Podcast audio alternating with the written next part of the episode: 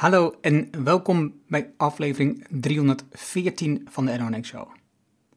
Wij leert van ondernemers en ondernemende mensen die bijzondere resultaten bereiken, welke beslissingen ze genomen hebben om hier te komen, wat ze doen, de strategie en hoe ze klanten krijgen. Mijn naam is Erno Hanning en ik deel mijn opgedane kennis, ervaringen en expertise met jou. Ik coach ondernemers zodat ze impactbeslissingen nemen om uiteindelijk een gezonde groeimotor te creëren, zodat de onderneming vanzelf loopt. Hiervoor gebruik ik mijn ervaring met meer dan duizend klanten die met exact dezelfde uitdagingen zitten. Vandaag het gesprek met Johannes Regeling. Een ondernemer die boer wordt. Johannes is ecoloog van achtergrond, ondernemer en kijkt naar organisaties alsof het ecosystemen zijn. Voor de boerderij is hij op zoek naar mensen die mede-eigenaar willen worden van de boerderij. De boer bestaat natuurlijk niet. Maar ik heb een haat-liefdeverhouding met boeren. Meer nog met het systeem waarin de boer zit opgesloten. Dit systeem heeft een behoorlijk negatieve impact op het milieu en de biodiversiteit. De focus op maximalisatie en de natuur behandelen als een economisch element is dodelijk. Dan kom je in contact met een ondernemer als Johannes, die de boerderij van zijn ooms wil overnemen om er iets bijzonders mee te doen. Hij gaat laten zien dat het anders kan. Zijn motivatie, energie en expertise zijn bijzonder en gaan ons een transitie brengen voor de boer in onze samenleving. Een gesprek dat interessant is voor boeren, ondernemers en voor consumenten. Laat Johannes je meenemen naar toekomstbestendig boeren. Iets dat we nodig hebben voor gezond, lekker en duurzaam voedsel. Oh, en overigens, de campagne loopt nog, dus wil je meedoen, word dan deelnemer in deze coöperatie. Laten we beginnen. Welkom in de Erno Hamming Show. De podcast waarin je leert over de beslissingen om te groeien als ondernemer met je bedrijf. Luister naar de persoonlijke verhalen van succesvolle ondernemers en ondernemende mensen. Dan nu, jouw business coach, Erno Hamming. Welkom in de nieuwe podcast aflevering. Vandaag praat ik met Johannes Regeling. En Johannes die heeft zich eigenlijk zelf uitgenodigd. of ja, hij werd, hij werd geadviseerd door iemand anders. En dat kwam omdat het ging over eh, de Patrijs. Jullie project. Welkom Johannes. Dankjewel. En, um, en ik, ik wist er niet zoveel van af. Uh, maar je hebt een relatie met mensen waar ik weer een relatie mee heb. Hè? Onder andere met uh, Pakan, Stichting Pakan. Ja. Uh, daar ben ik coach voor in, bij een aantal projecten. Oh, kijk. En zo um, kwam de partij weer ter sprake in het gesprek met uh, Linda uh, afgelopen vrijdag. Dus nou, dat, uh, ja. dat, maakte de cirkel weer helemaal mooi rond. Ja. maar um, ik vroeg je ook op dat moment gelijk van, want ja, er komt zo'n project op je af en iemand die zegt, ja. ik wil best wel je podcast. Ik denk altijd, oké, okay, waarom dan? En wat is interessant van anderen? En dus ik vroeg ook, oké, okay, hoe, hoe staat het met de financiering? Want dat zag ik eerder. Die zochten uh, uh, mensen die leden die, die een deel van het bedrag financieren. En daar vertelde ja. iets over. En toen raakte ik geïnteresseerd. Oké, okay, laten we het gaan doen. En dan kijken we zelf wel. Uh, want het, kijk, het, het, is natuurlijk altijd zoals je met ondernemers praat. Het is altijd een leuk verhaal. Er zit altijd een verhaal achter. Dus dat maakt het altijd leuk. Ja. En dus um, heb ik eigenlijk al iets verklapt. Want um, ondanks dat jij bezig bent met de patrijs, wat gaat over een project van een boerderij overnemen, ja. Uh, ben je ondernemer. Klopt. Uh, goed, elke boer is natuurlijk in de kern altijd ondernemer. Die moet zijn eigen broek ophouden. Ja, maar juridisch gezien een ondernemer. Maar ja. vaak meer een franchise-nemer van het, van het systeem, het voedselsysteem, of hoe je het ook wil noemen. Uh, dan dat hij een ondernemer is in de zin van dat hij producten maakt waar hij een bijpassende prijs voor probeert te krijgen. Je, je, je, je schiet hem er gelijk in. Ja. nou, ik, ik, ik, ik, um, ik heb een haat-liefde verhouding met boeren. En, ik, en dat had ik het met Linda ook over. Mm. Linda, Linda commandeur, voor de duidelijkheid. En, um, en, dat, en dat is natuurlijk... De boer die bestaat natuurlijk niet. Hè. Er zijn zoveel verschillende boeren. En, Correct. Um, dus de boer is er niet. Uh, maar wat, wat zeker aanwezig is, natuurlijk dat er ja, best wel veel boeren proberen om het te organiseren, maar ze zitten vast in het systeem. En dus het is heel ingewikkeld om uit te komen. En zeker als je ook nog te maken hebt met financiering vanuit een bank. um, waarmee je je stal, schuur, land of wat dan ook uitgebreid. En je dus verwacht wordt om een bepaalde productie, dat is natuurlijk al een heel aparte definitie, te draaien, um, omdat je anders niet uit die financiering komt. Dus dat maakt het ook best wel ingewikkeld. En Linda zei ook, hè, dus, het kan niet anders dan dat we zo iemand moeten helpen om een transitie te maken. Dus dat, dat is, anders komt hij nooit uit dat systeem. En jullie doen dat anders. En voordat ik daarin duik, um, want het grappige is natuurlijk, je, je, je bent ondernemer, maar geen boer. Klopt. Eigenlijk. Je gaat, wel een, boer, je gaat een boerderij overnemen. Waarom, waarom, waarom gaat die boer eigenlijk niet die transitie maken die er nu op zit? Nou, de boerderij is van uh, twee ooms van mij. Mhm. Uh, en de oudste die uh, wil met pensioen. en de jongste die wil het bedrijf niet in zijn eentje verder voortzetten. Um, en die hebben mij een jaar of drie geleden, want ze willen wel graag dat de boerderij de familie blijft, maar hebben zelf geen kinderen, een jaar of drie geleden aan mij gevraagd of ik de boerderij wilde overnemen. Um, en uh, uiteindelijk heb ik nu anderhalf jaar geleden uh, samen met mijn vrouw besloten dat willen we wel doen. Maar als we dat gaan doen, dan willen wij het op een andere manier gaan doen. Um, omdat ik ecoloog van achtergrond ben, uh, en ik wil dus ook heel graag weer binnen ecologische grenzen gaan boeren. Um, maar dat we niet aan natuurbeheer gaan doen, maar wel voedsel gaan produceren. Dus de zoektocht is naar hoe kunnen we op zo'n voor de, voor de aarde, voor de biodiversiteit, voor, de, voor het milieu, um, op zo'n goed mogelijke manier toch zoveel mogelijk voedsel produceren. En dat is niet een uitdaging die voor mijn oom zou liggen. Dus enerzijds wil mijn oudste oom met pensioen, anderzijds wil mijn jongste oom het op die manier niet zelf voortzetten. Um, maar er zijn ook heel weinig boeren die dit als een mooie uitdaging vinden om daar zo, in ieder geval zo, zo hard en, en straightforward in te gaan als, dat, uh, als ik dat nu doe. Maar, maar hoe komt dat, denk je? Omdat het heel eng is. Wat is er zo dat eng? Je, dat je allerlei dingen gaat doen uh, waarvan niemand weet of het kan werken en hoe het kan werken uh, en hoe je er gaat komen. Zijn er, geen, zijn er geen voorbeelden in de wereld? Er zijn wel wat voorbeelden, uh, maar bijvoorbeeld in Nederland is er geen enkele boerderij van deze schaal die zo'n omslag gemaakt heeft als wat wij nu willen doen. Oké, okay, dan, dan, moet je ons even helpen als luisteraar. Ja. Ik ben geen boer. Um, wat is die schaal? De schaal is in dit geval 160 melkkoeien met 50 hectare grond, uh, waar dus ongeveer 1,1 miljoen liter melk per jaar geproduceerd wordt.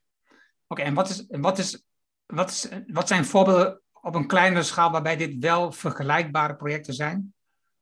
Nou, er is bijvoorbeeld een boerderij Veld en Beek uh, in Doorwerd, vlakbij Wageningen. Um, en die boerderij die is gewoon vanaf nul gestart. Dus die, uh, uh, die boer daar, Jan, die zei: Ik wil graag boer worden. En is op zoek gegaan naar mensen die van hem wel melk zouden willen kopen. En toen heeft hij een koeien gekocht en toen is hij melk gaan produceren. En zo is die vanaf nul opgebouwd naar iets. Wat wij nu dus doen, is een bestaand systeem pakken met dus 160 melkkoeien, 50 hectare grond en uh, uh, op dit moment 1,1 miljoen uh, liter melk per jaar. En wij zeggen, wij willen zo snel mogelijk naar een ander systeem toe. Het betekent dat, dat die, want die, dat, dat, is natuurlijk een dingetje, die 1,1 miljoen liter melk per jaar. Ja. ja. Want dat is natuurlijk gerelateerd aan een, een bepaalde dit, dit klinkt echt absurd allemaal, dit, dit soort uitspraken en woorden bij, bij dieren, maar dit is gekoppeld aan een bepaalde productie per koe. Zeker. Ja. En die koe is natuurlijk de afgelopen jaren enorm uitgemolken, om in de spreekwoordelijkheid te blijven, dat die dus um, de, de, de productie van melk wordt gemaximaliseerd en eigenlijk um, het, ik, ik, moet zeggen, ik kom in, de, in, in mijn, ik, ik woon in Doetinchem, ik kom in mijn regio, als ik ga, een rondje ga lopen, wel een paar boerderijen tegen waar dus koeien buiten staan met hun kalver. Ja. Niet veel, vooruitlijkheid, een paar koeien, ja. zoals ik al zeg. En dat is niet normaal, dat is niet gebruikt in, in, in de melkproductiewereld, want de, wat de kalver zo snel, snel mogelijk weggehaald bij het koe, want dan krijg je meer melk van die koe. Toch? Ja, dat is nog maar de vraag. Um, Ik, ik denk niet dat dat per se de reden is. Want je zou ook een kalf bij een koe kunnen houden en die koe melken. Ehm, en dan krijg je ongeveer net zoveel melk van die koe als normaal. Dat kalf drinkt misschien iets meer melk dan dat hij, dat hij normaal doet. Um, maar, die, maar die koe gaat niet meer melk geven omdat je dat kalf weggehaald hebt. Oké, okay, waarom maar het is wel veel gemakkelijker. Want een kalf bij de koe betekent dat die koe niet op een rooster kan staan in een roosterstal, zoals mijn ooms nu hebben bijvoorbeeld. Precies.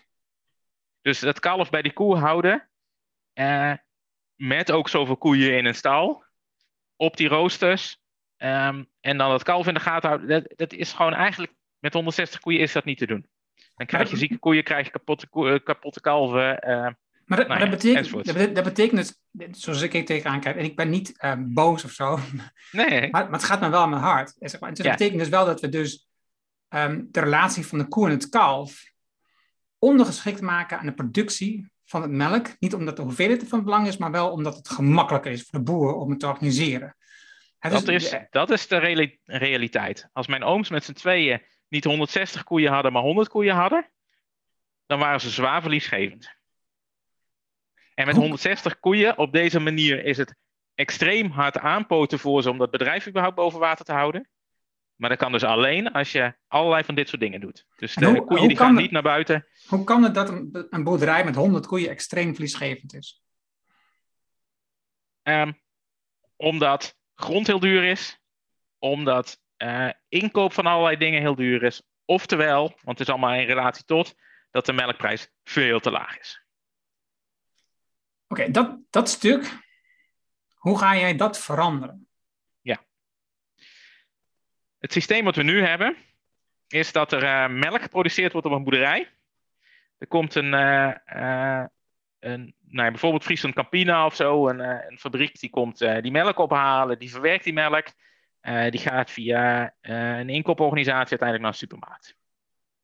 Als je geluk hebt in een supermarkt in Nederland. Uh, als je pech hebt, gaat hij als melkpoeder bijvoorbeeld naar China of naar Rusland. Of, Waarom is dat pech? Maar dan krijg je nog minder. Nou ja, het, het, ja of je, je krijgt als boer niet per se minder.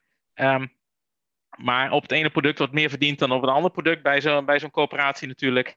en per saldo heeft Friesland Campina gewoon te veel melk ten opzichte van wat ze voor een goede prijs kunnen afzetten. Oké, dus dit, dit, is, dit is eigenlijk al een cruciaal punt. We hebben gewoon te veel melk. Ja, absoluut. Hoe, ja. hoe kan het dat we, als we uitgaan van een ecologisch systeem, dan zou je in de kern zou je uitgaan, en, en ook eigenlijk een economisch systeem zou ik zeggen, van iets wat in balans is. Waarbij je een balans hebt gevonden tussen wat de markt nodig heeft en wat natuurlijk wenselijk is en wat natuurlijk nog goed past. Ja, maar de vraag is hoe lang heeft het systeem nodig om in balans te komen? En dit is een systeem dat ik gok een jaar of een generatie of twee, drie nodig heeft om in balans te komen. En met dit systeem bedoel je het systeem wat jullie gaan invoeren? Nee, het, het gangbare melk, melkveesysteem zoals het nu is. Het is, het is nou niet zo ver dat het, dat het in balans is. Nee, weer, weer, nee eh, sowieso. Uh, um, want we hadden het net over de afzet tussen ja. wat wordt er geproduceerd in Nederland en wat wordt er wereldwijd voor goede, goede prijzen eigenlijk verkocht. Ja. Um, uh, en dat is niet balans. En in Rusland en in China worden uh, boerderijen gebouwd. Ik noem ze liever fabrieken met 10.000 koeien. Maar, maar dus daar kun je niet tegenop concurreren. Maar betekent het uiteindelijk dat wij, dat wij moeten minderen in Nederland met, met de melkproductie? Of, of begrijp ik het dan niet goed? Dat lijkt mij heel verstandig. Oké. Want wat we nu doen, is ook heel veel voer uit het buitenland halen. Die voeren we hier aan onze koeien. Daar komt melk uit en daar komt mest uit. Die melk die verkopen we maar dus eigenlijk voor een prijs waarvan we denken, ja, hoe lang hou ik het nog vol? En die mestoverschot, dat is vervolgens weer een milieuprobleem. En dat is onze, dat is onze stikstofcrisis. Dus als we geen voer meer van het buitenland zouden importeren, maar alleen onze koeien zouden voeren met het voer wat hier is, en daar het aantal koeien op afstemmen, hebben we ook minder melkproductie.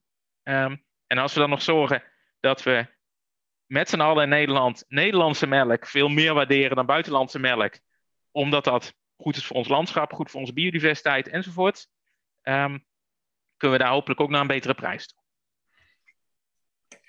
en dit is natuurlijk een wenselijk scenario, maar ook een ingewikkeld scenario. Want dat betekent namelijk ten eerste dat je um, er naartoe gaat dat, wat je net zegt, hè, dat je boeren moeten dus hun melkproductie minderen, dus ze krijgen minder koeien uiteindelijk. Hè? En jij ja. schetste dus straks al het beeld van, oké, als, ik, als ik 100 koeien heb, dan, dan ben ik verliesgevend. Nou, dat is natuurlijk probleem nummer één. Hè? dus ik, ik, kan niet een bedrijf hebben wat verliesgevend is. En het tweede is, ik ga aan consumenten vragen om een duurder product te kopen.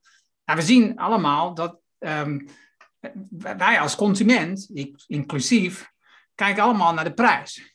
En uiteindelijk wordt voor het grootste deel van de mensen wordt gewoon gekeken, oké, wat is nou de goedkoopste melk en die neem ik mee. En dat wordt gestimuleerd door de, voor de door de supermarkten die dat zo positioneren. Die dus neerzetten, oké, dit, is, dit is onze grootste palet melk en deze zijn al goedkoop, dus deze moet je het meeste kopen. Even ja. overdreven gezegd.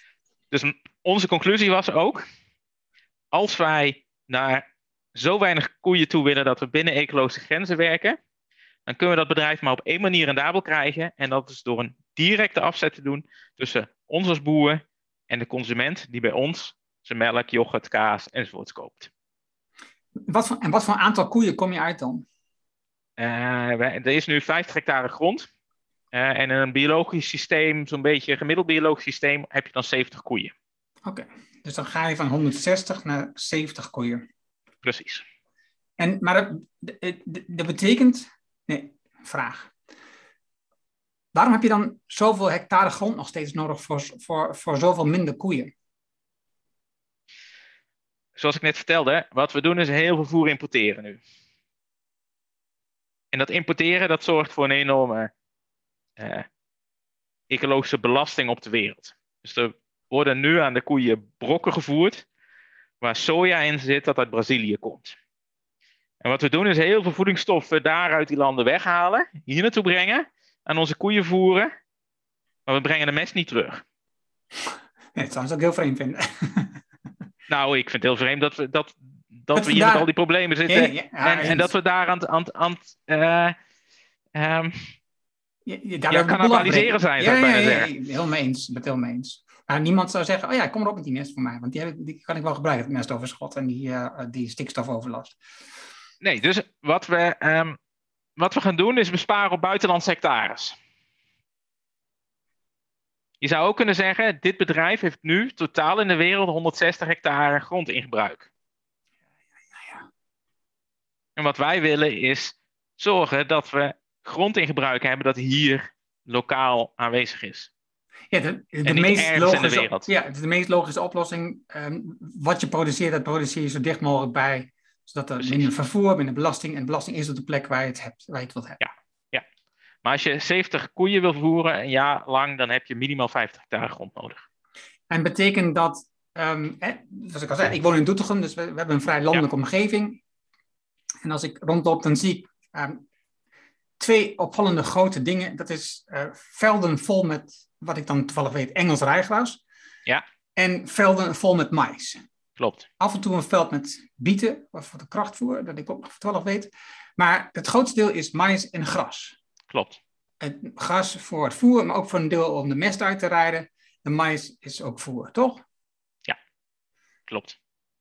En dus, mais is een uh, um, uh, heel koolhydratenrijk product. Mm En uh, daarbij heb je ook eiwitten nodig om melk te krijgen. En die brokken waar ik het net over had. Met soja? Met soja erin. Dat is heel erg eiwitrijk. Dus als je veel mais voert, kun je ook veel brokken voeren. En, en wat, wat zou je voeren. Precies, wat zou je moeten veranderen in dat systeem dat je meer eiwitten krijgt zonder dat je die soja allemaal toevoegt? Nou ja, als je koeien gras geeft, dan krijg je melk hele goede melk. En als je koeien niet uh, alleen Engels rijgras geeft, maar gras met, met kruiden. Ja. Of bijvoorbeeld ook allerlei struiken en bomen waar ze aan kunnen, kunnen knagen, net, net nagelang wat voor uh, sporenelementen ze, ze behoefte aan hebben. Uh, en dan krijg je hele goede melk. Ja. Dus maar je dus- krijgt wel melk die duurder is om, om geproduceerd te krijgen dan dat het huidige systeem is. Ja, dus jij, jij gaat straks zorgen voor een landschap wat veel um, afwisselender is, veel biodiverser is. Ja. en, en je krijgt nog betere melk ook nog. Klopt. Wij noemen onze boerderij Burgerboerderij de Patrijs. Ja, waarom burgerboerderij? Dus, nou, omdat ik, zoals ik net zei, we de verbinding willen maken tussen boer en burger. Dat doet de partij toch ook, de BBB-partij ook? Nou, ik zou niet willen zeggen dat ze dat doen. Grapje, was een grapje. Misschien dat ze dat proberen, maar... Uh... het was een geintje. Laten we niet die kant op gaan. maar we willen alle melk die wij produceren, die er bij ons op het bedrijf geproduceerd wordt, zelf verwerken en zelf aan burgers in de omgeving verkopen. Eigenlijk terug naar vroeger.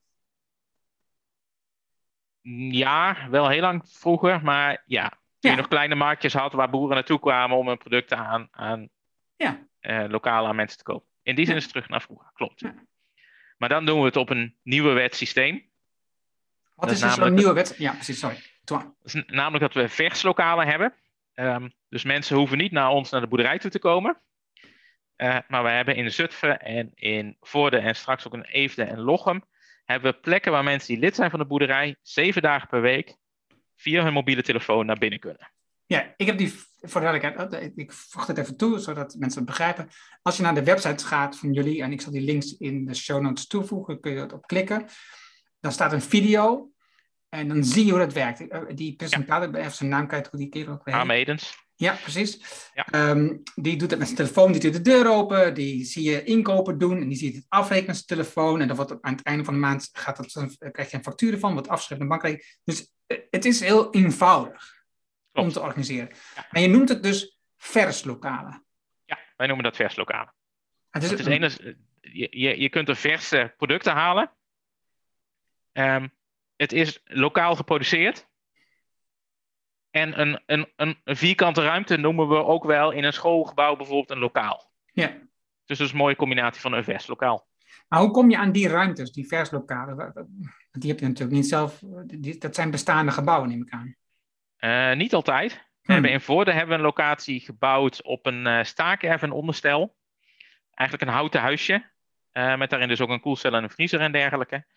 En die staat nu op een tijdelijke plek op een schoolplein van een, van een gemeente. Um, en daar moeten we op een gegeven moment weg. maar goed, in het vertrouwen dat we dan wel weer een nieuwe plek vinden waar die naartoe, naartoe zou kunnen. Oké, ik, ik even een vraag tussendoor. Mm -hmm. Ik hoop dat je begrijpt. Hè, dus, eh, dit onderwerp gaat me het hart en daarom heb ik al die vragen. Dus ik ben echt, ben echt zeer benieuwd naar dit verhaal. Wat drijft jou en je vrouw om dit in vredesnaam te doen? Ja, um, twee dingen. Dat we, dat, dat we van, uh, van avonturen houden in het leven. En dit een groot avontuur is. Het bureau wat ik hiervoor had, een ecologisch adviesbureau waar aan het eind 16 werkte toen ik 16 mensen werkten toen ik wegging dat was gewoon saai geworden. Dat liep en er zat voor mij te weinig uitdaging in. Dus dit is een onderwerp waar heel veel uitdaging in zit. Um, en het tweede onderwerp is uh, dat het me enorm aan het hart gaat hoe wij met onze aarde omgaan. En dat ik zie hoe klem al die boeren zitten. En dat ik denk dat ik met mijn pioniersgeest en mijn pionierskwaliteiten uh, in dat veld manieren kan ontdekken waarop, waarop we het anders zouden kunnen doen. Merk jij. Hoe heb jij last van. Nee, ik, ik zoek. Uh, goede vraag zijn nu even hoor, voor duidelijkheid. Voordat ik iets in de mond leg. Uh, oh, ik kan, anders uit wel uit mijn mond hoor. Nee, ja, kijk, het punt is dat ik, ik denk dat het, het spel met de boeren en ook we er als consument um, uh, zeg maar, worden beïnvloed hoe we er naar kijken. Ik wou zeggen geïndoctrineerd, maar in ieder geval beïnvloed kijken. Heeft voor een heel groot deel te maken met de grote partijen die er geld aan verdienen. Hè. Dus de boer zelf verdient echt te weinig, maar uh, veevoerbedrijven, de slachterijen, de, de grote partijen die verdienen enorm veel geld aan het proces. En tegelijkertijd zijn ze in staat om ervoor te zorgen dat wij een hekel, de, wij, de, de burger, een hekel heeft aan de boer, want stikstofuitstoot. Ze zijn te groot. Uh, ze, uh, ze, zijn niet biodivers. Het is allemaal probleem met de boer, terwijl ze tegelijkertijd ons, uh, onze, onze voeding verzorgen. Dus, dus de, de, de balans um, over hoe we eigenlijk met de boer moeten omgaan, is, tota is totaal het evenwicht. Merk jij dat jij een, een, een luis in die pels bent van, van die grote partijen? Nee. Verwacht je dat nog? Nee. Hmm, weet ik niet. Um, ik bedoel, ik ben een van de vele kleine initiatieven die er zijn. Um, voor die grote partijen is het helemaal niet bedreigend, want we zitten heel lokaal, heel kleinschalig enzovoort. Um, dus wat zou kunnen is dat die grote partijen, dat, dat, dat er op een gegeven moment zoveel van dit soort kleinschalige initiatieven komen, uh, dat het op een gegeven moment effect heeft op die grote partijen. Maar ja. Ja, niet. niet. Oké, gaan we hier speculeren. Nu, um, het, is, het, is, het is een bijzonder initiatief. Je zoekt het avontuur, je gaat hard hoe het, hoe met de aarde omgaan, met het milieu met name. En hoe we met die boeren omgaan. Um, nu produceer je op dit moment veel melk. Um, ja, mijn ooms hebben dus een bedrijf ja, sorry. dat nu 1,1 miljoen eh, liter melk per jaar produceert. Ja. Dat willen wij overnemen. En, en dat wil je en, terugbrengen? En dan gaan we terug naar 70 koeien. Precies. En, en hoeveel melk praat je dan ongeveer? Uh, half... Ja, tussen de 4,5 en de 5 ton melk. Ja, precies. Ja. Om dat bedrijf over te nemen, zoals dat dan meestal met bedrijven gaat, moet je een investering doen. En, en, dat, en die zijn vaak zo groot dat je het geld niet op zak hebt. Dus Klopt. Ik kan me voorstellen toen je het bedrijf van de, jouw adviesbureau hebt verkocht, dat dat niet zoveel was dat je die bedrijven kon overnemen? Nee, en ik heb het ook tegen een maatschappelijk bedrag overgedragen. Ah, oké. Tegen de nominale waarde op dat moment. Dus uh, nee, dat klopt. Ja. Hoeveel, hoeveel moet je lenen om dit, om dit over te nemen? 4,3 miljoen euro. En dat is, dat is die 160 koeien? Dat is uh, uh, 160 koeien. De fosfaatrechten die erbij horen. Dat is het erf, de gebouwen en gronden. En dan nog een klein beetje voor machines. En als jij teruggaat naar 70 koeien, dan verkoop je dus een deel van je koeien. Klopt. Dus dan krijg je een deel van je geld terug. Ja. Um, nu kun je als, als ondernemer op vele manieren geld ophalen om dit, dit te organiseren. Ja. Wat was voor jou de eerst logische gedachte om geld op te halen om, dit, om deze overname te doen? toen je hier aan begon? Ja, ik ben even terug aan het denken aan de mhm. situatie toen. Um, er zit nog een verschil tussen logische en gewenste. Um, mijn eerste gedachte was, ik wil er eigenlijk voor zorgen dat we dit zonder bank gaan doen. Want? Um, want wat je ziet is dat die bij heel veel bedrijven wel heel veel te zeggen hebben of heel hard een kant op sturen. Of Terwijl je als ondernemer vrij wil kunnen zijn om te ondernemen. Terwijl een bank natuurlijk wel een hele logische, hele logische gedachte is. Zeker ook uh, de Rouwbank heeft nu ook een lening bij mijn ooms lopen. Um, hoe makkelijk is, die, is het om die over te nemen? Zou je dan ook in eerste instantie denken. Dus er zijn eigenlijk twee, uh, twee manieren die voor mij logisch waren, passend waren, konden. Uh, er is eentje met een bank, of er is eentje uh, met lokaal geld voor mensen in de omgeving um, die er zelf ook baat bij hebben dat ze goed voedsel uit een mooi landschap krijgen. In een landschap waar zij ook nog eens wonen. En die combinatie heb je ook gewoon nu gemaakt? Klopt, precies. Ja. Is het zo dat, dat want jij gaat, um, je werft op dit moment 500 leden, die dus 1000 euro uh, nee, dat zegt niet goed. Die certificaat kunnen van 1000 euro kunnen kopen. Ja, precies. Dus 1000 kunnen er meer te kopen. Klopt. Um, is het ook zo dat, dat het eigenlijk aan elkaar verbonden is? Op het moment dat je dat deel van die 500.000 euro rond hebt, dat dan de bank ook akkoord gaat? Klopt. Ja. Dus de bank heeft gezegd, wij, hebben, uh, wij doen een voorstel. Uh, maar bij dat voorstel hoort dat je zelf 1 miljoen uh, eigen vermogen in het bedrijf hebt zitten. 1 miljoen zelfs. Ja, als risicodragend kapitaal. Precies. En, je haalt 5 ton op. Waar zit die andere 5 ton? dat is uh, de vijf ton die ik met mijn bedrijf in het verleden opgebouwd heb. Oh, wauw. Oh, dat is toch aanzienlijk wat je weer investeert ook gewoon ja. persoonlijk. Jazeker, ja. Dus je haalt... Dus je haalt... En dan heb je dus een miljoen. En in Ja. totaal, ik ben even kwijt, in totaal had je ook wel hoeveel nodig? 4,8. Jezus man. En het bedrijf is 4,3 waard. Ook dat nog. Ja, we je- hebben 4,8 nodig omdat we teruggaan in een aantal koeien. Ja, minder melk produceren. Maar het wel eventjes duurt voordat we al die melk zelf kunnen verzuivelen en lokaal kunnen verkopen.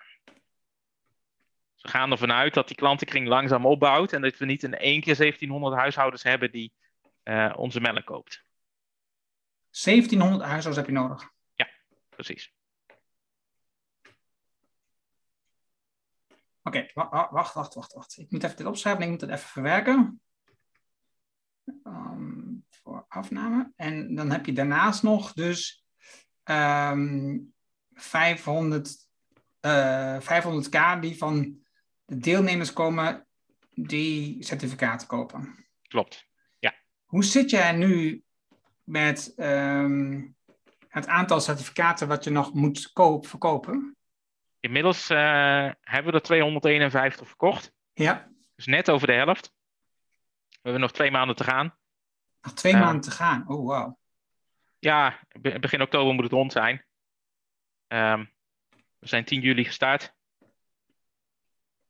Oh, oké. Dus, Dus, oké. eh, het is wel hebben erg nog- snel gaan. 249 eh, te gaan. Oké, dus, want dan heb je dus in principe heb je dus te maken met eh, twee wervingscampagnes eigenlijk. Hè? Dus de ene, Klopt. de ene wervingscampagne is dus dat je ehm, nog 249 certificaten moet verkopen. Over Ja. het aantal, dat, ik heb het gevraagd, maar voor duidelijkheid, dat kun je zien op de website. Kun je het gewoon, kun je het live kun je het zien. Ja. Ehm, ik wist het getal dus daarom al, maar het maakt niet uit. Ik wil gewoon, ik wil gewoon al die hetzelfde dat iedereen het snapt hoe het zit. Ehm, en tegelijkertijd moet je dus werving doen om 1700 huishoudens te hebben voor de afname van melk- en kaasproducten en zuivelproducten, moet ik zeggen. En straks ook groenten, want we gaan er een gemengd bedrijf van maken. Oké, Eh, maar ja, zuivel en groenten. Kijk, als ik naar mezelf kijk, en ik ben natuurlijk wat dat betreft ehm, bijzonder, eh, op, die manier denk ik dan, eh, eh, kies ik ervoor om zo, om zo min mogelijk zuivel ehm, te nemen. Of eigenlijk zoveel mogelijk plantaardig. Dat is denk ik nog beter ja maar omschreven. die zin ben je, niet, je niet bijzonder hoor. Er zijn heel veel Nederlanders die dat in ieder geval als doelstelling hebben. Ja, als doelstelling, precies. Dat heb, ik, Ja. dat heb ik dus ook. Het lukt niet altijd. want Ik zit in een gezin, dus dat is, het valt niet altijd mee. Ja. Ehm, ik kan me voorstellen dat. dat-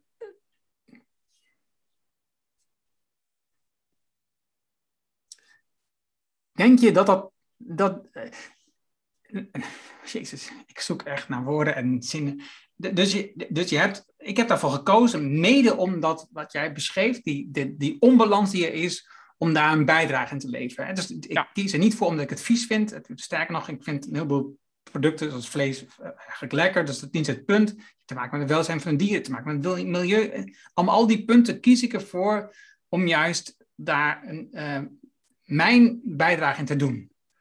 Heel goed. Ehm, maar op het moment dat jij aan de slag gaat op deze manier, is dat dan nog van belang?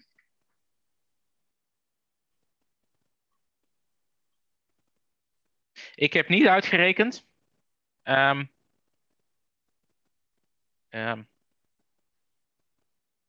ja, eigenlijk is mijn eh, ehm, antwoord eh, tweeledig. Want veel minder zuivel gebruiken dan dat we in Nederland nu doen, dat is zeker van belang. Helemaal geen zuivel gebruiken is niet van belang. Want als we als je een, eh, eh, een Nederland wil hebben waar ook graslanden in zitten, ook kruidenrijke graslanden, waar ook vlinders in zitten, sprinkhanen, eh, die patrijs die bij mij hier op de achtergrond staat, ehm, eh, allerlei dat soort biodiversiteit, dan hoort daar ook een bijpassend beheer bij, zou je kunnen zeggen, bijpassend gebruik bij. En daar passen koeien heel goed in. En als je koeien hebt, kun je ze ook melken. En dan zou je dus die zuivel ook kunnen gebruiken. Je kunt ook zeggen, we gaan ze niet melken, we gaan alleen dat vlees eten. Je kunt ook zeggen, ook dat doen we niet. Maar dat vlees, dat uh, als een koe doodgaat, die, die, die laten we ergens liggen. En uh, dat, dat gaat natuurlijk een kringloop in. Dat kan ook, maar dan zit je dus in de natuurbeheerkant. Uh, maar ik denk dat het wel heel waardevol is om natuurbeheer te combineren met die landbouw. En om daar ook een stukje voedselproductie uit te halen. En dan kom je dus ook op dat soort dierlijke producten uit. Ja, want een van de elementen waar je tegenaan kijkt als je kijkt naar melkproductie is dus wat ik straks al schetste. Dus, dus een koe um, wordt zeg maar, ertoe gedwongen om telkens opnieuw kalveren te krijgen, anders, ja, anders kan hij geen melk geven. Dat kalf wordt vrij snel weggehaald, omdat het efficiënter is, makkelijker is voor die boer. Um, en, dat, en dat is toch iets wat, um, wat mij raakt. Weet je? Dat, je, ja. dat, je, dat, dat je dat proces pakt die kalf weghaalt, die koe, die, uh, die krijgt als, als, als gezin krijg je een kind en dan trek je dat kind weg en dan zeg je, nou, nu doen we het voor jouw melk. Dan denk je, ja, het is toch een vreemde, het is een, ik kan wel zeggen, het is een dier. Nee, maar het is ook, het is ook een dier. Het is ook een, een levend iets, weet je. Dat, ja, en, absoluut. Maar als jij op een andere manier boert, waarbij je dus te maken krijgt met een koe die niet wordt uitgemolken uh, tot die laatste liter, maar gewoon veel meer één wordt met de natuur en ook ervoor zorgt dat je die, die kalven daar ook veel meer een onderdeel van worden. Hè, dus dat je ze niet gelijk wegtrekt, dan, dan kan ik me voorstellen dat, ik, dat daar ook weer, net als ik, meer mensen mee kunnen leven. Dat je daar, uh, dat dan zuivel eigenlijk niet zo'n groot probleem wordt. Dat uh, zou ik wel logisch vinden in ieder geval. Ja. Voor mijzelf geldt dat zo. Ja. Laat ik het zo zeggen. Ja. ja. En dan nog steeds is veel zuivel Hoeft voor mij ook helemaal niet. Nee, het is helemaal niet goed, um, volgens mij. Nee. Um, maar iets van zuivel is op zich niet verkeerd. de andere kant is dat wij wel ook graag mensen, uh, dat wij in de plaats 1700 huishoudens liever uh, bijvoorbeeld 2500 of 3000 huishoudens zouden willen voeden met diezelfde hectares aan grond. Ja. Dus ik ben dit jaar begonnen op een klein stukje, zo'n 7000 vierkante meter, om daar lupine in te zaaien. Wat zijn dat? Uh, ja, dat is een, je zou kunnen zeggen, eh, de, de Nederlandse sojaboon. Dus een, uh, een heel eiwitrijke boon die er van die uh, uh, lupineplanten afkomt. Mm um, en lupine is ook voor, een aantal biodiversiteitssoorten heel erg goed. Dus heel veel hommels die komen daarop af en dergelijke. Um, en er is in Zutphen een veganistische kaasmaker die daar wel kaas van wil maken. Dus we hebben straks twee soorten kaas in onze winkel liggen kaas van, van melk uit koeien en kaas uit melk van lupines. Dus van echt helemaal plantaardige kaas. En dan kunnen we kijken of we zo langzaam met die, met die huishoudens het aantal huishoudens kunnen laten groeien. Uh, en aantal, aantal dierlijke eiwitten laten afnemen en plantaardige laten toenemen. Wauw. En dat vind ik dan een heel mooi transitiepad voor de komende 30, 40 jaar. Dat is, dat is de termijn, dat is eigenlijk de vraag die mij, nu in mijn hoofd Dat is de termijn waar je ook aan denkt, 30, 40 jaar. Mm, ja, op, op sommige onderwerpen denk daarover na en op sommige onderwerpen denk nog langer na. Wat is nog langer? Uh, dan gaat het over generaties. Dus waar wij nu in zitten met die crowdfunding campagne is ook een grote zoektocht naar kapitaal. Heel veel kapitaal om te kunnen gaan boeren. En eigenlijk vind ik dat absurd.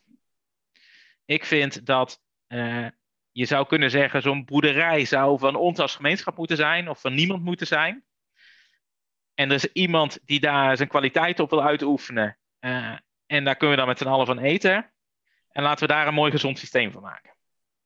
Dus wat ik wil is, als ik over 30 of 40 jaar uitgeboerd ben daar.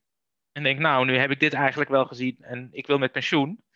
Dat er uh, nieuwe boeren mee in kunnen stappen, zonder dat zij op dat moment veel kapitaal hoeven in te brengen. Terwijl je toch zelf ook gewoon met pensioen kunt. Precies. Ja. Maar ik hoef geen miljoenen te hebben om pensioen te kunnen. Nee, want ik neem aan, uitgangspunt misschien, dat jouw ooms uh, ook met pensioen uh, willen met, met een, met een uh, acceptabel bedrag wat je meeneemt, waar je van op pensioen, van met pensioen kunt. Maar dat het grootste deel gaat gewoon terug in de hypotheek of wat dan ook, in de aflossingen, weet ik veel wat, in, in het pand, in de boerderij, weet ik veel wat. En, want ik kan me niet voorstellen, die 4,3 miljoen niet ja, maar dan moeten we, ja, maar dan moeten we dus wel rente en aflossing over betalen. Ja.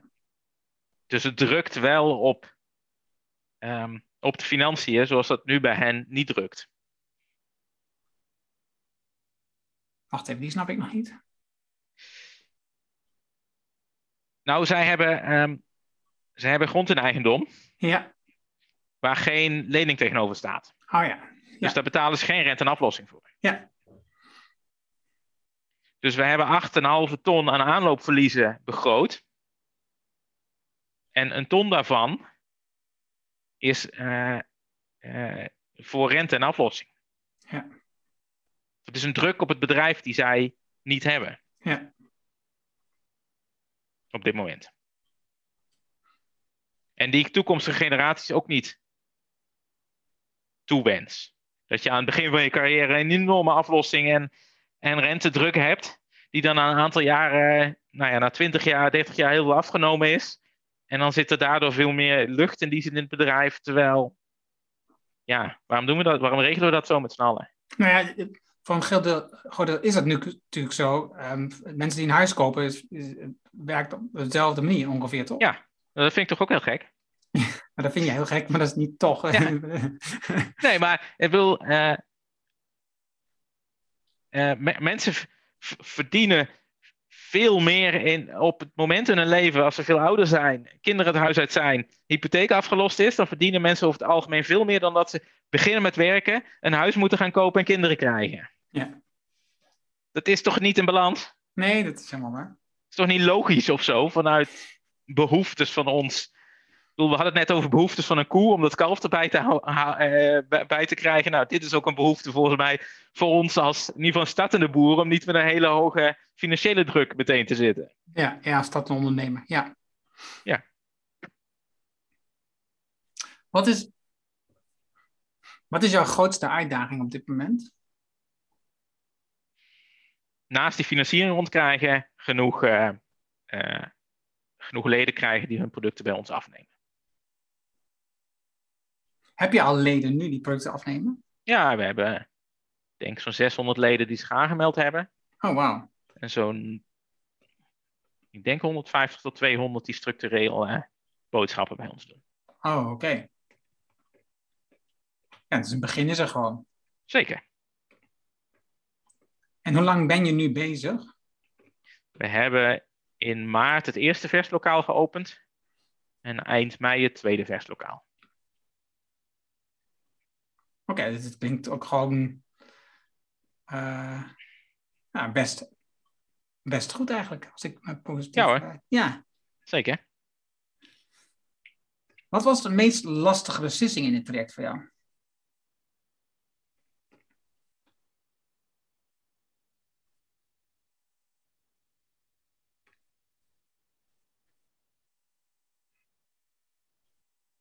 Zou ik niet weten.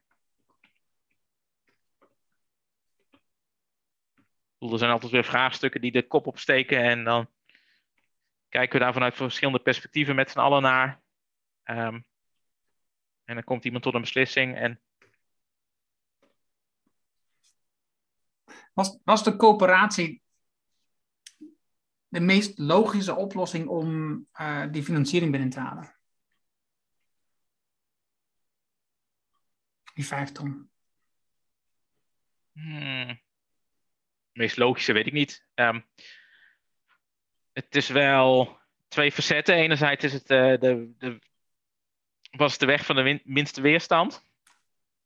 Daar kan ik zo iets over uitleggen. En anderzijds uh, geeft het een hele waardevol, veerkrachtig onderdeel in het bedrijf. Omdat dat namelijk ook mensen zijn die hun boodschappen bij ons kunnen gaan doen. Dus als die er ook met hun eigen geld in zitten, dan, dan laat je die tent niet zomaar eh, de verkeerde kant op gaan.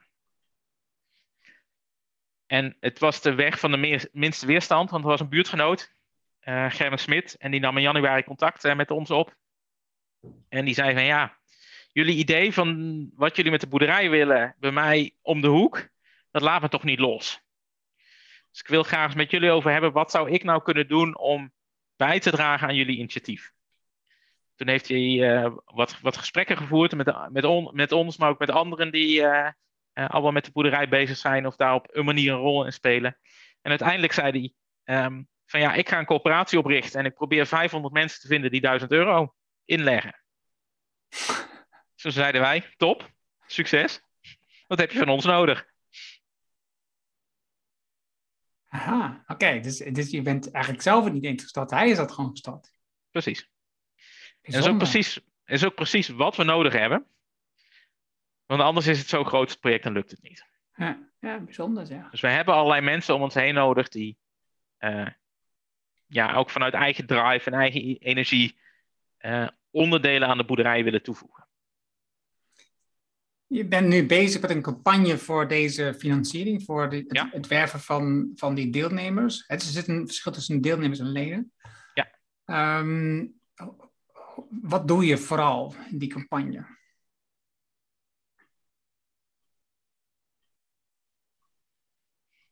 Ja, we hebben van een, uh, een crowdfunding-expert, die ook een van onze leden is, uh, geleerd dat zo'n crowdfunding-campagne uit drie onderdelen bestaat. Ja. Dat begint bij de intimi. Dus wat Gerben gedaan heeft, is een groep mensen om zich heen verzameld, man of tien, die gezegd hebben: wij gaan hier met z'n allen de schouders onderzetten. En die groep Intimi, die heeft hun netwerk benaderd. Dus voordat we met de crowdfunding campagne losgegaan zijn, uh, hebben we voorinschrijvingen verzameld. En die mensen die zijn letterlijk bij kennissen, familie enzovoort op de koffie gegaan. Hebben een flyer meegenomen en hebben gezegd: Goh, ik ben betrokken bij dit project. Zou je niet ook uh, deelgenoot willen worden? En dan de derde stap, en daar zitten we nu in, dat is eigenlijk de crowd benaderen. En dat is dus ja, eigenlijk openbare oproepen doen van word ook deelgenoot. Ja. Um, nou, en dat laatste zijn we aan het doen. En wat ik nu. Um, we hebben een communicatiebureau dat ons hierin ondersteunt. Um, we hebben iemand die vanuit ons één dag in de week hiermee bezig is om uh, te zorgen dat er nieuwe content op de website komt, dat er uh, op social media van alles gebeurt, dat er teller op de website bijgehouden wordt, bijvoorbeeld, dat soort, uh, dat soort dingen. Um, en ik zelf ben vooral in gesprek met allerlei partijen, allerlei mensen, allerlei journalisten, um, om ons verhaal te vertellen. Ja, daarom zit je hier. Daarom zit ik hier. En daar wil ik graag aan bijdragen. Ja, dat is mooi. Die uh, crowdfunding expert, um, heeft hij jullie benaderd of ben je er actief aan zoek gegaan? Of uh, wacht even, heeft Gerben dat gedaan of, of, of, of heeft hij zelf, uh, ik moet even goed zeggen, ja. Um, nou, dat is iemand die eigenlijk niet meer echt met crowdfunding bezig is. Uh, maar het onderwerp van steward ownership omarmd heeft. Um, ja, hij uh, Gijs Koren is dat. Hij, was, hij is in de podcast geweest, de aflevering zal ik even toevoegen. Een keer naar, oh, kijk, wat leuk. Gijsbert luisteren. Wat leuk. Uh, nou, en Gijsbert die nam met mij contact op en die zei... Um, ik zie dat je met leuke dingen bezig bent en ook met steward ownership. Want vorige bedrijf heb ik dus helemaal steward owned achtergelaten. Um, en het huidige bedrijf richten we ook zo in. Um, ik zou het leuk vinden om een keer een kop koffie te komen drinken. Dus toen hebben we eh, op de boerderij een uur of twee lang, geloof ik, uh, kennis met elkaar gemaakt en koffie gedronken. En toen die zei van ja, ik heb een, uh, ik heb een verleden met crowdfunding advieswerk. Toen dacht ik, nou dan fietsen we even samen bij Gerben langs. Ja, dat hebben ja. we gedaan. En zo af en toe op bepaalde momenten dan, dan denkt hij even mee. Dan kijkt hij wat van doen zijn. En zegt hij ja, nou dit is goed of dat gaat goed. Of hier zou je nog dit kunnen doen of daar zou je nog dat kunnen doen. Waarom, waarom heb je gekozen voor crowdfunding? Sorry. Waarom heb je gekozen voor steward ownership?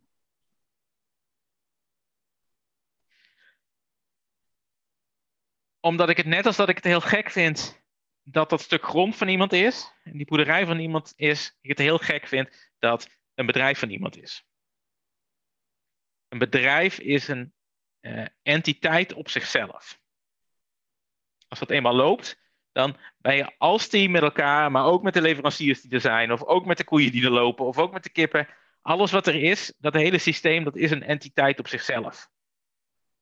Net als dat ik als persoon of jij als persoon een entiteit bent en de aarde een entiteit is, dus op allemaal verschillende uh, niveaus zou je kunnen zeggen. Maar een bedrijf zie ik dus ook als een levend organisme.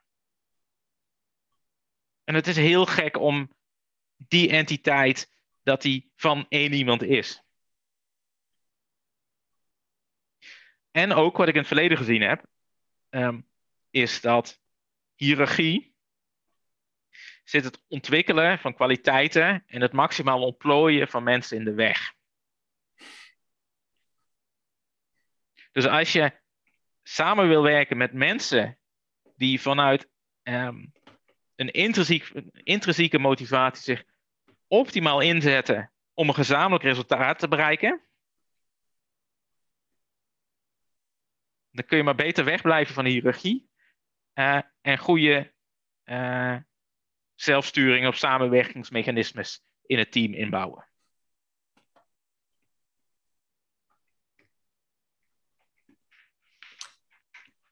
En daar, ja, nou loop ik even weg, maar um, ga ik toch ook nog ergens anders reclame voor maken. Maar, uh, en daar heb ik ooit dit boekje over geschreven, namelijk. Okay. Dat heet Organiseren als Spreeuwen.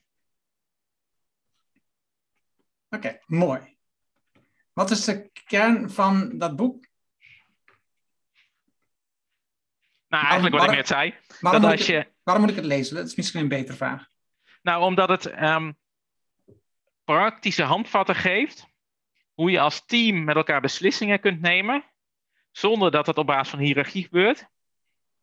Omdat jij eh, de directeur bent, uh, moet je dit beslissen bijvoorbeeld. Um, en zonder dat het op basis van consensus gebeurt. Dus we zijn het er allemaal over eens en anders doen we het niet. En dan krijg je een soort Poolse landdag. Dus als je enerzijds de wijsheid uit een groep wil gebruiken, uh, de energie wil laten waar die zit voor een initiatief, um, of wil versterken, en niet een Poolse landdag wil, krijgen, uh, wil, wil krijgen, dan heb ik daar hier wat handvatten voor in staan. Super.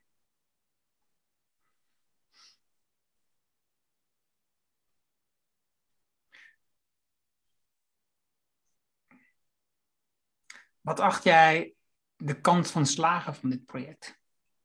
Van deze onderneming?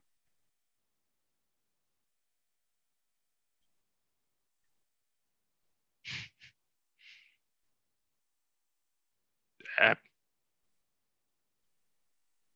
80% of zo. Oké. Okay. De, de eeuwige optimistische ondernemer. Gelukkig. Ja, je moet wel, anders moet je het niet doen. Precies. Als je, als je, als je denkt, uh, het gaat hem niet worden, moet je het niet doen. Jouw vrouw um, is partner in dit project. Ja. Was ze gelijk super enthousiast om je mee te doen? Nou, het, um, het project ontstond zo dat wij met elkaar op zoek waren. Wat voor iets willen wij eigenlijk in het leven? Wat voor iets willen wij neerzetten dat er zonder ons niet geweest was? Dat we daar een plan voor bedacht hebben. En toen, ik, um, toen dat plan er was, zei ik: hmm, maar als dit ons plan is, dan moet het toch echt nogmaals met mijn ooms in gesprek. Wat was de kern van het plan? Ja, ik twijfel of ik dat nog wel echt scherp heb. Maar de kern van het plan is verbinden van uh, ecologie, natuur, um, het natuurlijke systeem met voedselproductie. En dat ook zodanig doen en zodanig uitdragen dat je daarmee een katalysator voor de landbouwtransitie uh, aan het creëren bent.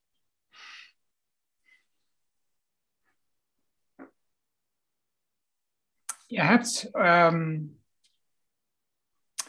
gestudeerd aan de Hogeschool van Lerstein, de Hogeschool eh, Wageningen, um, in Verde voor professioneel boomverzorger, hoe kwam jij zo in deze uh, natuurlijke omgeving uit?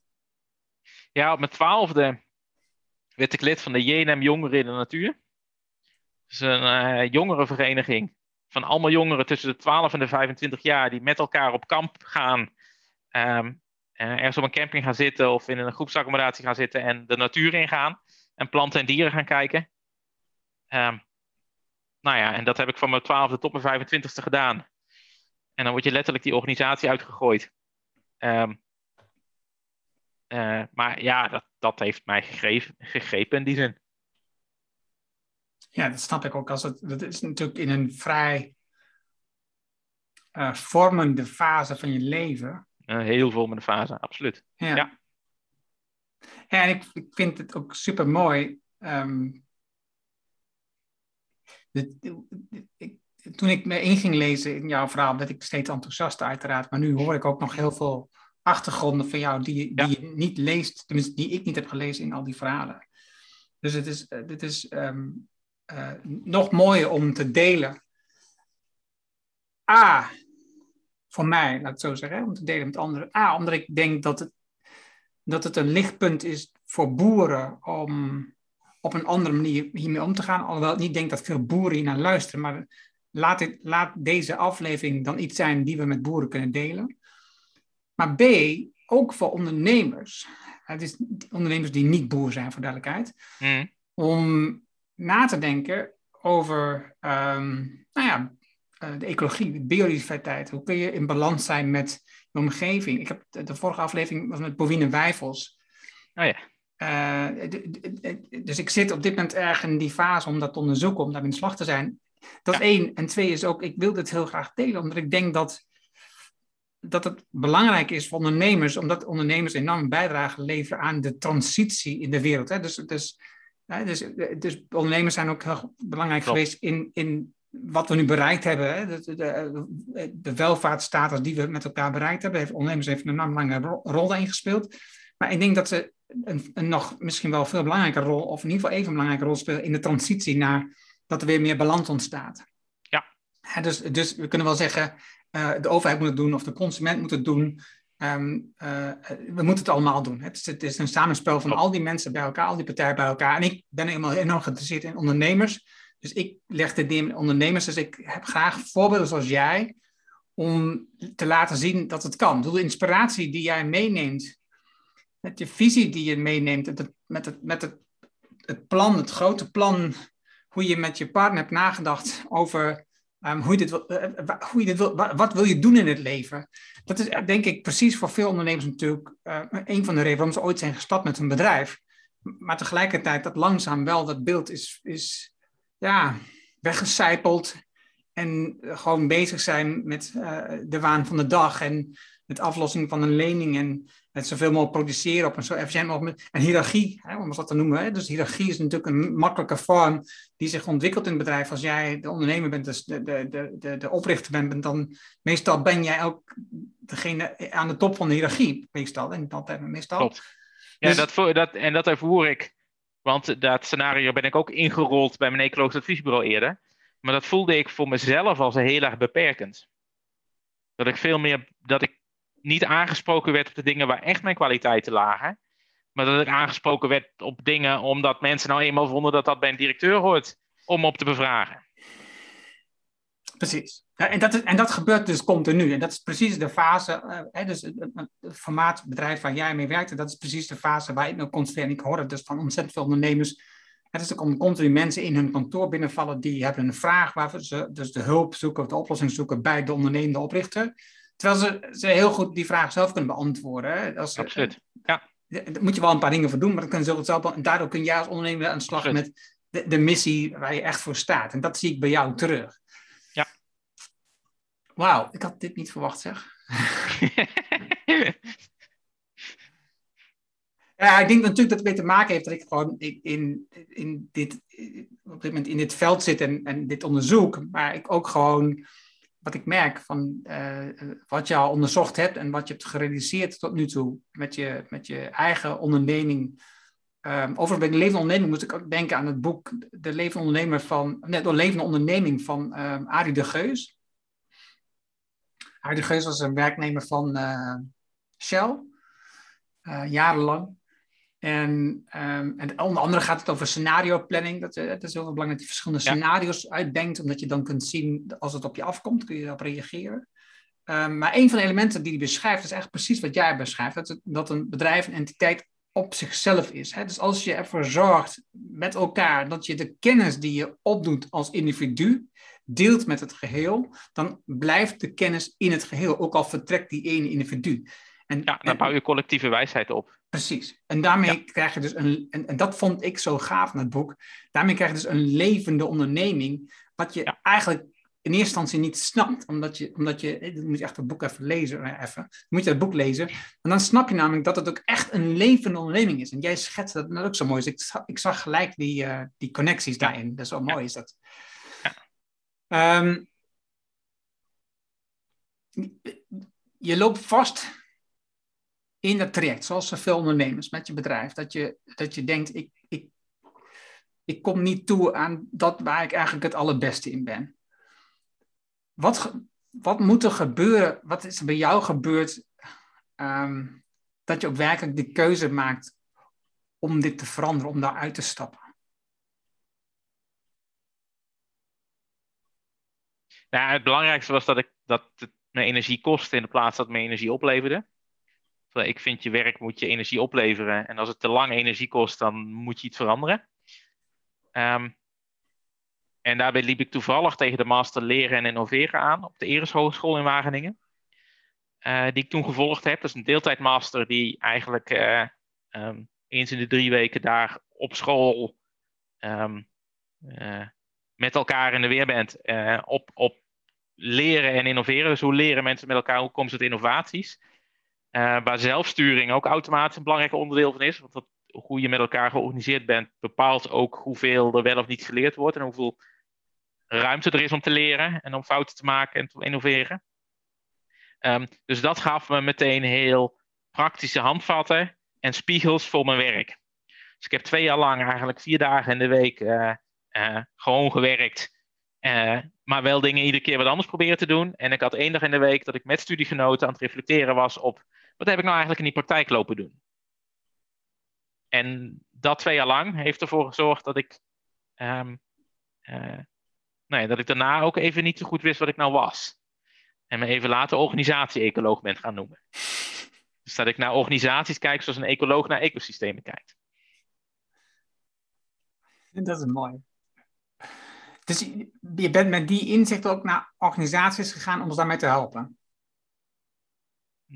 Nee, dat, ja, dat heb ik wel een enkele keer gedaan. Oké, dat was niet je kern. Ik, ja, ik was begonnen met daar een bedrijfje in opzetten, maar uh, er kwamen andere dingen op mijn pad. En dit bijvoorbeeld, en dit, dit levert me nog veel meer energie op dan. Uh, want dan wordt het op een gegeven moment ook een trucje. Ja, ja eens. Het, is het. Was nou, het voor jou. Bij, uh, anderhalf jaar geleden ben ik ook bij Squarewise gaan werken. Dat is een transitiebureau. Bureau ja. dat transities helpt versnellen.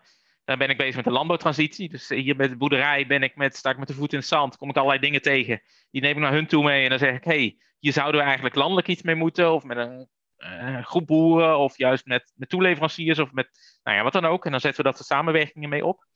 Um, en toen ik daar kwam werken, was het bedrijf van, van twee eigenaren. Van twee uh, uh, directeuren. Um, maar die zagen ook wel eigenlijk weer wat anders. Dus met hen zijn we wel en dat hele team zijn we naar ook deze vorm van organiseren toegegroeid. En is het bedrijf nu ook volledig in eigendom van de stichting. Um, en ben ik een van de mensen, net als dat die directeuren een van de mensen zijn. Um, en alle andere transities maken daar een van de mensen zijn van, uh, van Squarewise. Had je, wat had je kunnen doen om ervoor te zorgen dat je jouw adviesbureau op dat moment met die 16 mensen, 15 mensen, um, die transitie doormaakte, dat, dat, dat, dat, dat je de energie weer kreeg om, om daar gewoon in te blijven? Had dat gekund? Nee, want ik was een beetje op die inhoud uitgekeken. Hmm. Dus als je de stap maakt van um, dat je veel met het organiseren in het team bezig bent, um, en dat zo weet te organiseren dat je er zelf niet meer mee bezig hoeft te zijn, maar niet terug de inhoud in wil. Uh, bij Squarewise zie ik dat de twee directeuren wel terug die inhoud in willen. Het transitiemakersvak. Um, dan kun je blijven en dan is dat best te organiseren. Maar als je niet de inhoud van dat werk in wil, wat je nou eenmaal doet bij dat bedrijf, ehm, ja, dan is het lastig om daar te blijven. Ja, en ik sprak namelijk met Sebastian Klein, dat is uh, oprichter van onder andere uh, Neue Narratieven. En ook uh, Blinkist. Blinkist is een ehm, oplossing die samenvatting maakt in audiovorm van boeken, managementboeken.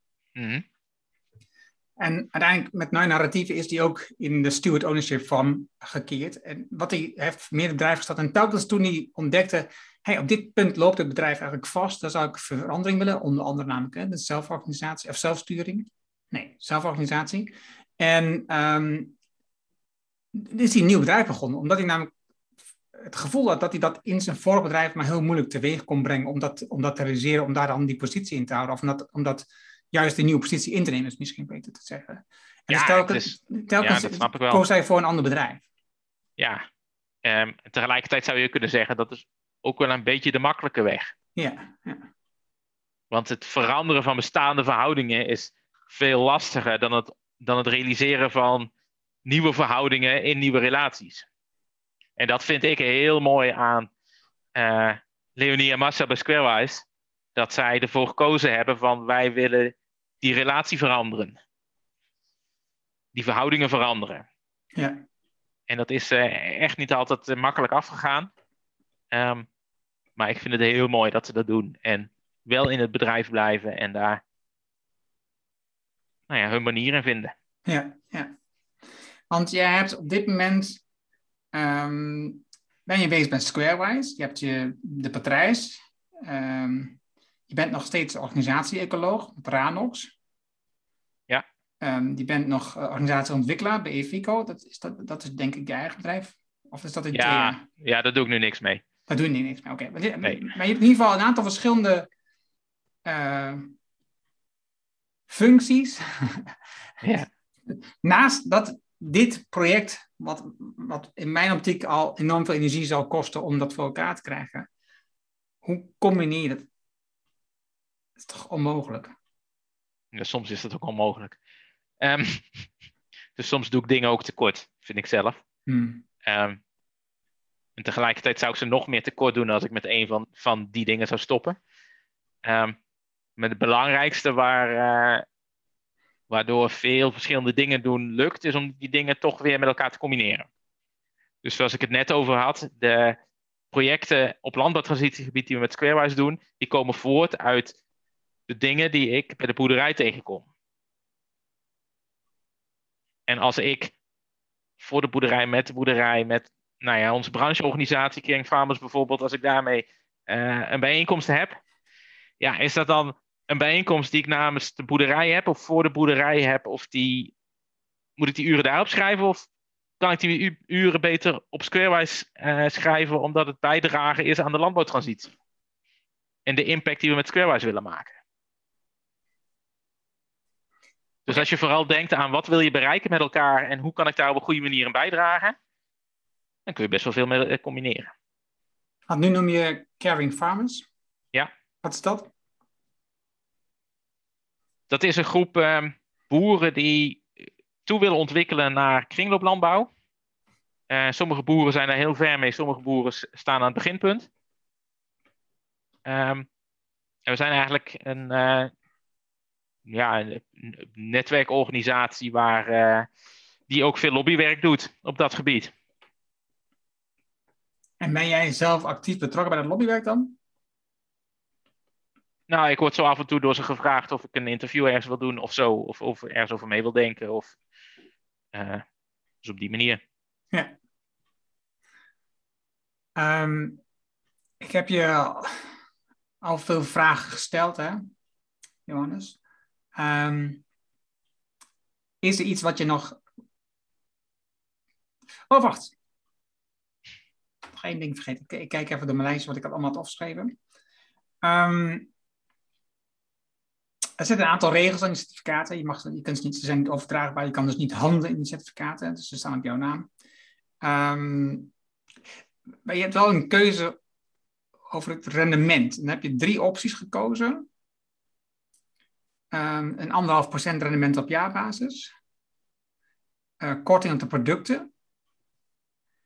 Of ehm, je, je steekt het rendement eigenlijk weer terug in het bedrijf. Ja. Uh, hoe werkt dat en, en wat is op dit moment de meest gekozen optie? Hoe bedoel je, hoe werkt het? Nou ja, waarom, waarom moet je een rendement, uh, uh, is dat noodzakelijk, is, waarom, waarom zit die optie erin? Nou, die optie, de meest overtuigende reden om dit te gaan doen, was dat we willen laten zien dat we een uh, bedrijfsmodel kunnen neerzetten dat ook financieel gewoon goed uit kan. En dan past het om te zeggen, als het financieel goed uit kan, dat bedrijfsmodel, dan kun je ook rendement geven op, op geld dat erin zit. Ja, alleen je denkt. Dus daarom zit die anderhalf procent erin. En je denkt nog wel dat het een tijd duurt voordat je het werkelijk echt voor elkaar hebt.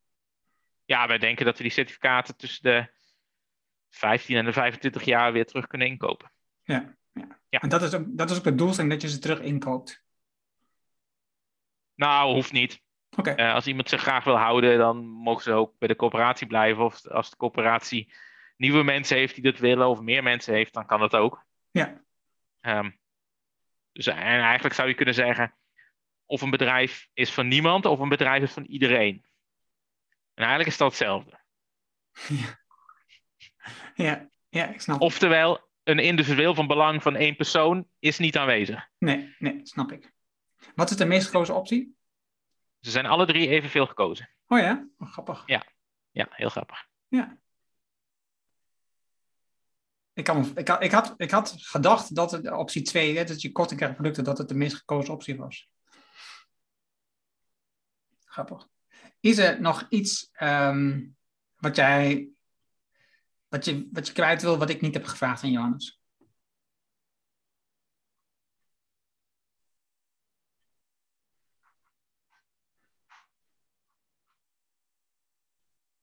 Denk het niet. Oké, okay, dat is een vraag die ik niet, normaal niet stel.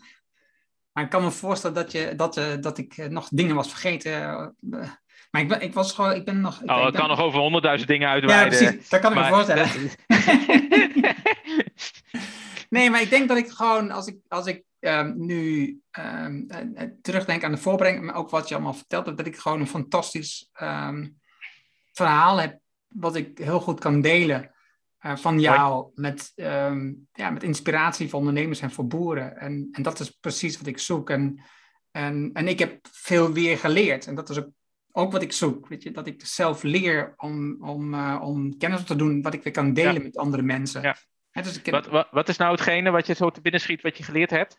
Nou, ik denk dat, ik denk, ik denk dat um, jouw visie over, um, over de, de, de hele uh, manier van verzorging van, van die, die. Het is niet biodiversiteit, maar die hele kring, zeg maar, van, van, hè, van, de koe, melk, uh, het land, de, de, de voeding, de mens in dat spel, hè, als afnemer.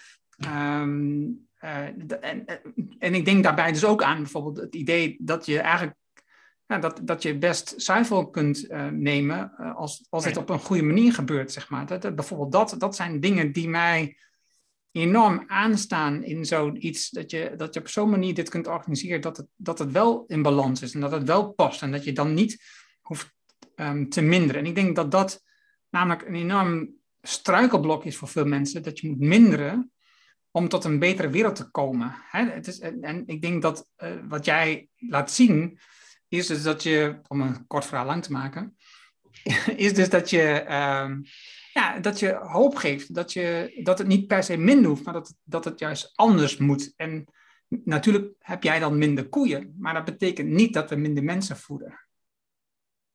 En dat is denk ik het mooie hieraan. Ja. Mooi, leuk om te horen. Nou, ik vond me super gaaf, Jan. Ik heb veel geleerd, zoals ik Mooi. al zei. Dank je wel daarvoor. Ja, graag gedaan. Dat was het mooie gesprek met Johannes. Je vindt de namen en links die we noemden in het artikel dat bij deze uitzending hoort. Ga daarvoor naar ernohanning.nl slash show 314. Overigens, de manier waarop je deelnemer kunt worden in deze coöperatie staat ook in de show notes vermeld en is heel eenvoudig. Je gaat daarvoor naar coöperatie.depatrijs.eco. Wil jij vanzelf automatisch de volgende aflevering van deze podcast op jouw telefoon ontvangen? Dat kan Heb je een iPhone, dan zit daar namelijk standaard de Apple Podcast app op. Open deze app en klik op abonneer. Apple heeft wel iets veranderd. Je moet weer wel een extra actie doen om ook voor te zorgen dat de nieuwste aflevering automatisch op je telefoon worden gedownload. Heb je een Android-telefoon? Installeer dan eerst bijvoorbeeld de Player FM podcast app. Open deze app en zoek de Anonic Show en klik op abonneer. Dankjewel hiervoor. Heb je een vraag, opmerking, reactie op deze aflevering met Johannes of over de podcast in het algemeen? Stuur dan een e-mail naar podcast.ernohanning.nl Dan weet ik dat het over de podcast gaat en ik hoor super graag van jou. Wil je leren hoe je aan de lange termijn impact van je bedrijf werkt die verder gaat dan de huidige generatie? Wil je weten hoe je bedrijf inricht voor de lange termijn groei en impact? Wil je leren welke drie elementen je uit de waan van de dag halen? Vraag dan het boek Impactbeslissingen van Tijdrebellen aan op ernohanning.nl. Dit is mijn nieuwste boek en je downloadt het helemaal gratis. Je hebt zelfs geen e-mailadres nodig. Er is ook een Kindle en EPUB versie. Wil je de papieren versie van dit boek? Dat kan ook. Je betaalt dan alleen de verzendkosten. En omdat het mijn nieuwste boek is, blijft het gratis. Je vraagt het daarom dus nu aan. Vraag het aan op ernohanning.nl en ik weet, als ondernemer, je hebt een volle agenda, je leest het in één avondtijd. Dankjewel voor het luisteren en graag tot de volgende. Dankjewel voor het luisteren naar de Erno Hanning Show op ernohanning.nl.